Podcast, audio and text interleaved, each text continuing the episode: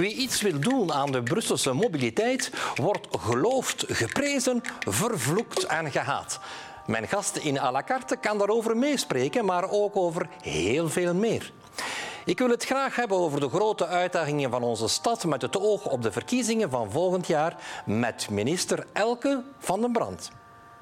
Wat denkt u nu van Brussel? Is Brussel een helhoop? Lukt er niets in Brussel? Hoe gaat het nu met Brussel? Goed of slecht? Gaan we nu vooruit of achteruit? Een stad waar te veel auto's zijn? Of zijn de fietsers te arrogant? Wilt u er komen wonen of willen jullie juist weg? Welkom bij à la carte, minister Van den Brand. Mobiliteit is een van uw bevoegdheden en uh, dat is altijd in Brussel veel om te doen. U heeft het Good Move-plan ingevoerd. Uh, er is toch wel wat gebeurd in Brussel de afgelopen jaren. Het is een merkwaardige tegenstelling. In sommige gemeenten in Brussel bijvoorbeeld loopt dat heel vlot, maar in andere gemeenten lukt dat helemaal niet en draait men het zelfs helemaal terug. Hoe komt dat? Er zijn veel factoren. Ik denk dat het succes van Brusselstad is dat Brusselstad ook een gemeente is met heel veel draagkracht. Dus zij hebben stewards kunnen inzetten, ze hebben lange voorbereiding gehad. Andere gemeenten moeten met mindere uh, riemen roeien, zoals dat ze mhm. zeggen. Uh, weerstand die er is, hoe er met weerstand wordt omgegaan, hoe dat de politiek ook stand houdt, of het heel het college mee uitdraagt, of het van één scheep komt, zijn veel factoren. Wat belangrijk is, is dat we nu resultaten zien, zowel in de vijfhoek uh, van, van Brussel, waar, waar redelijk veel om te doen is uiteraard, maar ook op andere plaatsen, in Schaarbeek, op de Azalea-wijk. Dus we zien op de plaats waar het ingevoerd is, in Elsne waar er stappen zijn gezet, we zien dat er daar resultaten komen. En we zien die resultaten nou, wat zijn ook, die resultaten volgens u? Voor de Vijfhoek bijvoorbeeld zien we dat er 20% minder autodruk is in de Vijfhoek, 20% meer fietsers. En je voelt dat ook als je daar komt. Tegelijkertijd zien we dat de terrasjes, de cafés, de horeca, die floreren. Dus het gaat goed met de economie in het centrum van Brussel. Het is niet zo dat er, dat er gewoon minder mensen naar Brussel komen? Nee, we zien dat allee, de cijfers, want er was schrik voor, maar de cijfers van, van, van de economische levendigheid in, in het centrum, Brussel leeft, Brussel bruist. En we zien dat mensen komen gewoon op meer en andere manieren, stappen rapper over op de fiets. Het is iets veiliger om te fietsen, dus dat lokt ook uit. maar dat slaat niet aan, bijvoorbeeld in Anderlecht of in Schaarbeek, waar er een geweldige oppositie is. Uh, hoe is dat te verklaren? Slaagt nog niet aan. Ik denk dat we wel langzaamaan... Dit is, dit is een van de gemak, allez, gemakkelijkste, een van de meest efficiënte manieren om aan levenskwaliteit in een buurt te werken. Als je wilt dat, er, dat mensen graag in hun buurt wonen, durven buiten komen, zin hebben om buiten te komen, zich welkom voelen in hun buurt, dan is die mobiliteit, dan moeten we daarover praten. En wat we zien is daar, waar dat er ook waar dat er kleine projecten zijn op verschillende plaatsen in Brussel, vanaf dat de autodruk vermindert, als de snelheid verlaagt, als er minder verkeer is, dan krijgen we reacties van mensen van ik durf meer buiten komen, ik voel mij veiliger, ik voel mij fijner. En dus dat is iets wat gaat aansteken. Maar het is, het is een heel complex gegeven. We gaan zeggen, we gaan de rijrichtingen veranderen en daardoor gaan we publieke ruimte winnen. Als ik zie wat er in Curigem gebeurd is, eh, daar denkt men daar toch helemaal anders over? Ja, ik kunt Curigem geen succes noemen, dat we een stap terug hebben moeten zetten, maar ik ben er wel van overtuigd er moet terug een dialoog daar komen met die wijk, maar ik ben er wel van overtuigd dat langzaamaan steeds meer Brusselaars gaan zien wat het voordeel is en beter weten wat de inzet is. Als we kunnen tonen hoe dat je bijvoorbeeld in de Vijfhoek of in uh, Schaarbeek, hoe dat er extra pleintjes worden gecreëerd, dat mensen beseffen van ja, dat speelpleintje dat ik voor mijn kinderen wil, dat gaan we op die manier wel bekomen. Maar we hebben nood aan goede voorbeelden, we hebben nood aan dialoog met de bevolking, want je moet je wijk mee hebben. We hebben ook nood aan politici die mede moed hebben om het uit te dragen, want een fase van verandering is altijd moeilijk. En in Brussel denk ik dat daar ook wel met momenten mhm. iets meer daadkracht mocht getoond worden. Er is ook een, een, een merkwaardige verschuiving waarbij, waarbij de auto, het gebruik van de auto verdedigd wordt ook door, door linkse partijen, door de communistische partij bijvoorbeeld. Die ziet die auto als een soort uh, recht van de proletariër om zich te verplaatsen. En zo voelen de mensen in Curigem dat ook aan. Hoe krijg je dat veranderd? Door mensen ownership, een soort eigenaarschap over hun buurt te geven. Dus we hebben verschillende projecten nu met zomerprojecten, waar dat mensen in hun buurt tijdelijk een straat tot speelstraat tot zomerstraat kunnen maken. En dan voelen we dan beginnen mensen te beseffen van dat kan hier anders. Mijn buurt kan er anders uitzien.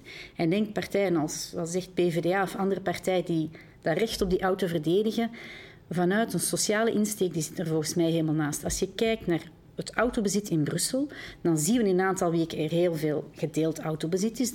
Met een auto van een onkel worden boodschappen gedaan enzovoort. Maar er is een heel laag autobezit in de wijken waar het inkomen het laagst is. De luchtvervuiling is daar het hoogst. De mensen zijn het meest afhankelijk van verplaatsingen te voet met openbaar vervoer.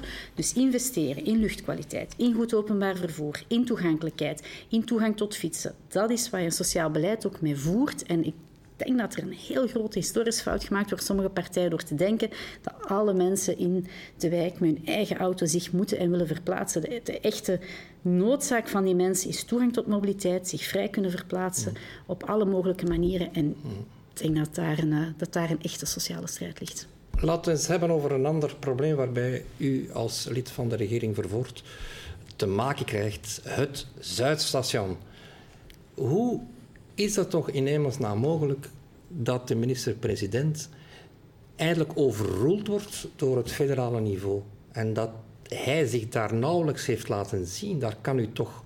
U weet wat er aan de hand is, niet alleen rond het Zuidstation, want men focust nu een beetje te veel op het Zuidstation, maar er zijn een twintigtal eh, buurten en wijken. Nooit vergeten dat er twee jaar geleden iemand is neergeschoten door de Albanese maffia op het Broekeireplein. Hoe komt dat ja, ik moet bijna zeggen, uw regering zo passief is gebleven daar? er zijn een aantal, ik denk een jaar geleden hebben ook, zijn we begonnen met een aantal programma's. Ik ben bevoegd voor de MIVB in de metrostations. De situatie is even schrijnend. Hè. is nu een grote focus op het Zuidstation. Er is een jaar geleden een programma opgestart om te zeggen van hoe kunnen we zorgen dat het efficiënter is, want we verhoogden dan veiligheidsdiensten veiligheidsdiensten zetten een aantal mensen buiten, maar twee uur later staan die terug binnen. Dus dat, dat is een cirkel waar je niet doorgaat. Dus dan zijn we begonnen met een project waarbij we de veiligheidsdiensten samenbrengen met de drugshulpverlening, want heel veel verslavingsproblematiek daar, om te zien van kijk, kunnen we op die manier betere oplossing hebben. We zijn begonnen in Naamse Poort om een proefproject op te starten. Dat werkt positief. We zitten nu in een tiental metrostations, maar er moet meer gebeuren. En er is een hele keten nodig waar nu versterking moet komen. En dat gaat vanuit de politiedienst. Daarvoor is ook, en daarom is het goed dat federaal coördineert. We moeten die politiediensten federaal, die moeten versterkt worden. De spoorwegpolitie, die bevoegd is en voor de NMB's, maar ook voor de MVB. dat dat zo lang duurt? Ik ken de problemen, ik woon in de buurt. Ik ken de problemen in het Zuidstation al twintig jaar. Ik weet dat het een wijk is waar, waar het gevaarlijk is, waar drugs worden verhandeld. In de tijd van de aanslagen kon, kon je daar uh, mitrailleurs kopen. Ik weet dat je nu daar uh, uh, kan in een taxi instappen, in, in onwettige taxis die je naar Parijs brengen. Dat wordt allemaal getolereerd, al twintig jaar lang. En nu plots is er een politieactie. Maar hoe komt dat die Brusselse regering dat zo lang geduld heeft dat het Zuidstation, toch een poort is naar Brussel. Ik had een Engelse vriend die op bezoek kwam en die kwam buiten en die geloofde zijn ogen niet. Door de geur, door wat hij zag en dat wordt getolereerd. Hoe komt dat de regering vervoort dat zo lang getolereerd heeft? Maar het is geen kwestie van want je moet daar sterke dingen. De vraag is van hoe gaan we coördineren, hoe gaan we zorgen dat en veiligheidsdiensten en sociale diensten en proprieitsdiensten samenwerken. Eeuwige uitdaging in Brussel, dat je op een goede manier gaat coördineren en dat die diensten tot resultaten komen. Dat die ook sterk genoeg zijn, dat die voldoende mankrachten of vrouwkrachten hebben. Dus daar ligt voor Brussel met federaal gigantische uitdaging. En ik wil meer analyse maken van waar is het allemaal misgegaan, hoe snel moest het. Ik ben nu wel blij dat er voor het Zuidstation tenminste een federale coördinatie is, maar dat zal niet genoeg zijn. Het is toch een blamage, het is toch een blamage voor de Brusselse regering. De minister-president was zelfs niet aanwezig bij die actie in het uh, Zuidstation. Dat is toch heel vreemd. Iemand die pleit voor Brussel als volwaardig gewest, die wordt eigenlijk een beetje opzij gezet door Alexander De Croo en, en de minister van Binnenlandse Zaken. Dat is toch heel grof. Ik denk, ja, enerzijds de coördinatie. Coördinatie van politiezones is een eeuwige discussie in Brussel. De, de, de, de, verschillende politiezones die elk zijn aparte werking doen. Dus daar gaat van mij niet horen zeggen dat ik dat een goed systeem vind. Dat moet beter, dat moet op elkaar afgestemd. Kunt u eens en voor altijd zeggen dat u tegen een systeem van zes Ah, ik wil gerust zeggen dat ik voor een fusie van die politiezones ben, als dat de, de vraag uh, is. Maar het zal, het zal daar niet mee genoeg zijn. We moeten denk ik beseffen, die coördinatie is nodig. Je moet die politie versterken. Er moet er meer zijn. Die spoorwegpolitie moet versterkt worden. Je moet die drugshandel aanpakken, want nu laten we ook heel veel gebeuren. Heel veel kleine handelaars die niet gecontroleerd worden, waar witpaspraktijken achter zitten. Dus durven ingrijpen ook op die drugshandel. Zorgen dat we ook antwoorden bieden op die opvangcrisis. Niet vergeten dat heel veel van de mensen die nu op straat zijn, mensen zijn die asiel hebben aangevraagd, geen antwoord van die mensen zijn, hebben zelf geen asiel aangevraagd. Moeten, uh, zijn moet versterkt einde worden. van de, van, de, van de procedure uh, iedereen weet dat, dat er rond het Zuidstation jongeren rondzwerven die volledig van God los zijn, die zeer gevaarlijk zijn ook. Men weet dat. De VZW's van het, die werken rond het Suicide zijn zelfs in staking gegaan. En dat, er gebeurt niets. Blijkbaar vindt uw regering, met minister-president, dat minder belangrijk. Uh, hoe verklaart u dat? Dat is toch niet normaal? Probeer niet... het eens aan een, aan een buitenlander uit te leggen. Ik ga mij niet laten zeggen dat ik het zelf niet belangrijk vind. Wat de rest van mijn regering vindt, ieder mag voor zich spreken, maar ik vind dat een wezenlijk probleem. En niet enkel voor buitenlanders en toeristen, dat ook. Ook voor de bewoners van Brussel, die rond die wijken wonen, die, die hun kinderen naar school willen sturen, die s'morgens geconfronteerd worden met, met mensen waar dat ze moeten overstappen. Ook voor de gebruikers van het openbaar vervoer. Ik wil meer mensen op die metro krijgen, dan moet die aantrekkelijk zijn. Dus voor mij is dit een essentieel deel van de stad van morgen, dan moeten we daarop inzetten. Alleen ben ik beducht voor gemakkelijke oplossingen. Van, we moeten enkel de politiezones fusioneren of er moet gewoon wat gecoördineerd worden. Nee, er moet ten gronde gewerkt worden. Het zal een werk van lange adem zijn en iedereen moet inspanningen leveren. Iedereen moet kijken van binnen mijn bevoegdheden, wat zijn mijn verantwoordelijkheden en van daaruit vertrekken naar oplossingen. En dat is wat Brussel nog heeft aan het Zuidstation, maar ook in de andere metrostations. Ja. Ik wil het over iets helemaal anders hebben. U, u weet dat Brussel een vice-gouverneur heeft, uh, Jozef Ostijn. En die uh, bekijkt elk jaar de wettelijkheid van benoemingen, uh, aanstellingen in de gemeenten, waar vooral hij zich zorgen maakt over de kwaliteit van de kennis van het Nederlands. Die rapporten uh, betekenen dat de vice-gouverneur benoemingen schorst, maar als die niet de schorsing niet bevestigd wordt door het gewest, dan vallen die gewoon weg. Nu, het gewest doet alsof er niets aan de hand is en gaat daar niet op door. Mijn vraag is waarom volgen de Vlaamse partijen in de regering vervoerd niet de aanbevelingen van de vice-gouverneur. Het is een probleem in de gemeente, ook in de ziekenhuizen, politiediensten. Dus je moet laat ons over de gemeente, de gemeente hebben. Ik wil het gerust daarover hebben.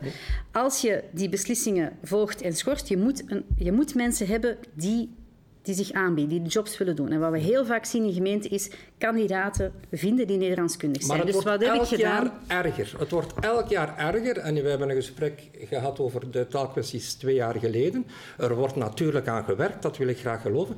Maar men laat het weer gebeuren. Maar hier ook, ik wil niet zeggen ik laat het gebeuren. Bijvoorbeeld vanuit de VGC financieren wij het Huis van het Nederlands, waarbij er projecten zijn om de gemeente op de werkvloer, Nederlands op de werkvloer maar waarom volgt, zien, u, waarom volgt u de schorsingen niet? Omdat op dat moment in een situatie komt dat er niemand is. En we willen concrete maar oplossingen hebben. Zou dat geen sterk signaal zijn aan de Franstaligen dat het dat het menens is. Want nu doet uh, meneer Ostijn heel goed werk. Maar ik schrijf er elk jaar een artikel over. En het aantal neemt steeds maar... Het gaat niet beter. En de Vlaamse partijen kijken weg. Nee, we kijken niet weg. Alleen kijken we van hoe kunnen we zorgen dat de mensen die er werken Nederlandskundig worden. Dat de mensen versterkt worden. En de indruk die we nu hebben, is dat er een steeds groter interesse is van de gemeente. Dus de gemeenten die zeggen, wij willen pertinent absoluut niks te maken hebben en geen aanwerven, er zijn zeker nog zo'n aantal Franstalige politici, maar er zijn er heel veel die zeggen we willen, we willen hierop inzetten, we willen versterken en die zich actief inschrijven. Dus het aantal gemeenten zich aanbiedt voor die taallessen neemt toe. En daardoor zorgen dat er op terrein, en het gaat te traag en er moet meer, daar ben ik het mee eens, maar dat je wel gaat kijken van hoe kunnen we effectief oplossingen bieden voor een realiteit waar we mee zitten. Stellen, u zou kunnen zeggen, u heeft drie jaar tijd om daar verandering in te, in te brengen. Maar als u nooit een deadline stelt, dan gaat er nooit iets uh, veranderen. Nee, maar als we enkel hetzelfde met de, met de zorgsector. Als je gaat zeggen van kijk, daar moet tweetalig personeel zijn, ik zeg direct ja. Maar als rusthuizen en de ziekenhuizen mij zeggen, wij zijn blij als we iemand hebben die überhaupt of Frans of Nederlands of Engels kan, want we zitten met een gigantisch tekort in aanwerving. Ja, ik, en dat is ook dat argument en dat is juist. Maar dat geldt niet voor gewone aanwervingen in een gemeente, waarbij er gezegd wordt, ja, die kennis van het Nederlands, dat wordt geschorst, maar dat wordt niet, niet opgevoegd. Dat is toch, dat is zo weer typisch Brussels, vind ik zo. De negatieve kant van Brussel. Ja, het staat wel in de wet, maar we regelen dat wel. On s'arrange, quoi. het aantal Vlaamse schepenen dat ons zegt van, kijk, we hebben een vacature openstaan, kunnen alsjeblieft mij helpen zoeken, kunnen zoeken naar mensen die er willen, is ook hoog. En dat zijn Vlaamse schepenen die echt zeggen van, kijk, wij willen hier effectief aanwerving doen, we krijgen de vacatures niet ingevuld. En ik zeg niet dat dat een excuus is dat alles goed praat, en misschien moeten we inderdaad actiever, sterker zijn. Dat wil ik zeker uh, horen. Maar ik denk niet dat het uh, een kwestie is van het doet er niet toe. Het is een kwestie van hoe kunnen we zorgen dat we reële oplossingen hebben en hoe kunnen we ook zorgen dat de mensen die in de gemeente werken taalkundig, Nederlandskundig sterker worden. Ik heb nog een vervelender vraag. De financiële toekomst van Brussel. Ja. Het Brussels gewest heeft een enorm begrotingstekort. heeft oplopende staatsschuld. Een onderzoek van de Universiteit uh, van Namen uh, spreekt van een oplopende schuld in de miljarden. Uh, de kosten van de metro swingen de pan uit. het kanaal Centre Pompidou heeft ook niet genoeg geld. Daar gaan we niet uit geraken. Daar moeten we uit Ja, maar hoe gaan we dat doen? Dus op dit moment, dus er is een traject, een begrotingstraject, dat minister Gats met ons opvolgt om tot 24 naar een evenwicht te komen. Maar dat is toch niet mogelijk? Aantal... Vier... Hoe gaat u dat doen? Dat is binnen één jaar. Enfin, één jaar is het dus een begrotingsevenwicht. Hoe waar gaat u dat geld halen? Er moet nu er moet een gigantische oefening gebeuren. Op één jaar kunnen stappen zetten, maar niet veel stappen. En grote projecten, want we kunnen over klein project spreken, maar de metro is een goed voorbeeld. De metro is een project dat om en bij de 4 miljard zal kosten. Onze gewestbegroting heeft 6 miljard per jaar. Dus je voelt zo, dat is een project voor Brussel te groot. We willen die metro, die is nodig, die heeft boven lokaal. Zo dus we moeten voorbereid. Hoe komt dat dat, dat dat mogelijk is?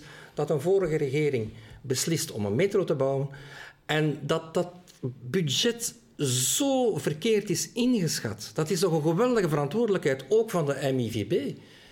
Daar, ik vind het verantwoordelijk van de vorige regering, op het moment dat je een project start, moet je een financiering hebben. Wat we met deze regering aan het doen zijn, en dat vind ik belangrijk, is kijken van oké, we weten dat die aanbesteding moet komen. Die beslissing moet genomen worden, dat is in 2024. We hebben gezorgd dat we, dat we nu alle puzzelstukken op tafel leggen. Dus minister Gats is aan het onderhandelen met de federale overheid, met de Europese Bank, om te zien, kunnen we extra financiering voorzien. Tegelijkertijd hebben we aan Beliris, die project trekt en beheert, gevraagd van kijk, als uw aannemers offertes indienen die drie keer zo hoog zijn dan geraamd, dan is er iets mis. Analyseer die opnieuw, ga terug in onderhandeling, herbekijk dat, zodat het moment dat die beslissing moet genomen worden dat knop, de startknop voor de werken voor het tweede deel van de metro genomen moet worden in 24, dat die antwoorden er zijn. Intussen zijn we met het eerste deel bezig. Dat is op het einde van de vorige regering beslist om dat in gang te zetten. Daar is nu onze uitdaging om zo goed mogelijk die werken die bezig zijn af te ronden en te kunnen zorgen dat we tegen een zo snel mogelijk, goed beheerd mogelijke periode een metro hebben. Die metro's zijn zo gigantisch dat sommigen zeggen laten we ons gewoon mee ophouden. Het, het, het loopt geweldig verkeerd met het zuidelijke deel, maar ook het noordelijke deel, zoals u zegt, zijn de offertes van de firma's drie keer zo hoog. En ze hebben daar uw reden voor. Uh, er wordt gezegd, ja, u moet met andere firma's gaan onderhandelen, maar die hebben niet ingetekend. Dat betekent dat niemand die werken wil doen. Het feit dat er maar dat er weinig intekens zijn, is problematisch. Dus dat is een van de zaken waar we zeggen, van, ja, moeten we opnieuw die offerte herlanceren. Want er zijn geen honderd bedrijven die metrowerken kunnen doen, maar er zijn er meer. En er werd verwacht dat er een aantal meer gingen intekenen. Dus dat is een van de uitdagingen dat we zeggen aan Belier kijk waarom, ga dat gesprek aan. Een andere zaak is, waarom hebben we die metro nodig? Als je nu op die Noord-Zuidas, als je daar die tram neemt, dan moet je soms twee, drie trams in de spits laten passeren om erop te gaan. We hebben de capaciteit verhoogd tot het maximum. Dus we kunnen niet meer trams erop zetten. Dus dat is een maximumcapaciteit die je kan hebben. We weten in de toekomst dat nog steeds meer mensen het openbaar voer gaan nemen. Dat is een goede zaak. Dus die metrolijn, daar is nodig, puur alleen om capaciteit ja, te kunnen zorgen. Is het geen voorbeeld van een idee dat twintig jaar geleden had moeten gebeuren en waarbij men toen uh, het niet gedaan heeft en dat men nu eindelijk toe is aan een ander soort van openbaar vervoer. Dat men meer gelooft in, in, in uh, een veel goedkopere versie met trams in eigen bedding, uh, bussen in, in eigen bedding. Dat kost tien of honderd keer minder. Maar in Brussel kan dat niet, omdat men aarzelt om om straten vrij te maken voor trams bijvoorbeeld. Het is een en-en-verhaal. Dus die metrowerken zijn bezig. Op sommige lijnen heb je zodanig veel mensen, zoals op de Noord-Zuidas, dat je moet naar een metro gaan. Bovengronds, inderdaad, we hebben nu een tramplan gemaakt met de regering, net om te zeggen van tramlijn, bijvoorbeeld de tramlijn naar Neder-Overeenbeek, die kost ongeveer 80 miljoen euro. Op vijf jaar zijn we van het tekenen van de lijn tot de werf. En ik hoop dat hij binnenkort ook zal rijden, die tram. Dus dat is veel sneller, veel beheersbaarder. Intussen is in Neder-Overeenbeek zijn er publieke ruimtes die worden er aangelegd. Dus de winst van trams is enorm. De tram werd lang gezien als iets van het verleden. De tram is absoluut een vervoersmodus van de toekomst. Maar er is dat is ook niet voldoende. Je hebt en bussen nodig die in alle wijken kunnen gaan. Je hebt en tramlijnen nodig die heel gemakkelijk zijn. Je kan daar bovengronds instappen. Je moet geen roltrappen af. Je kan dat sneller, goedkoper en beheersbaarder doen. Maar die metro is op een aantal lijnen qua capaciteit ja, om heel grote groepen mensen te verplaatsen. Goed, ik stel voor dat we het daarover nog eens hebben eh, volgend jaar. Mevrouw de minister, bedankt voor de komst naar de studio. En beste kijkers, bedankt voor het kijken. U ziet mij terug binnen 14 dagen.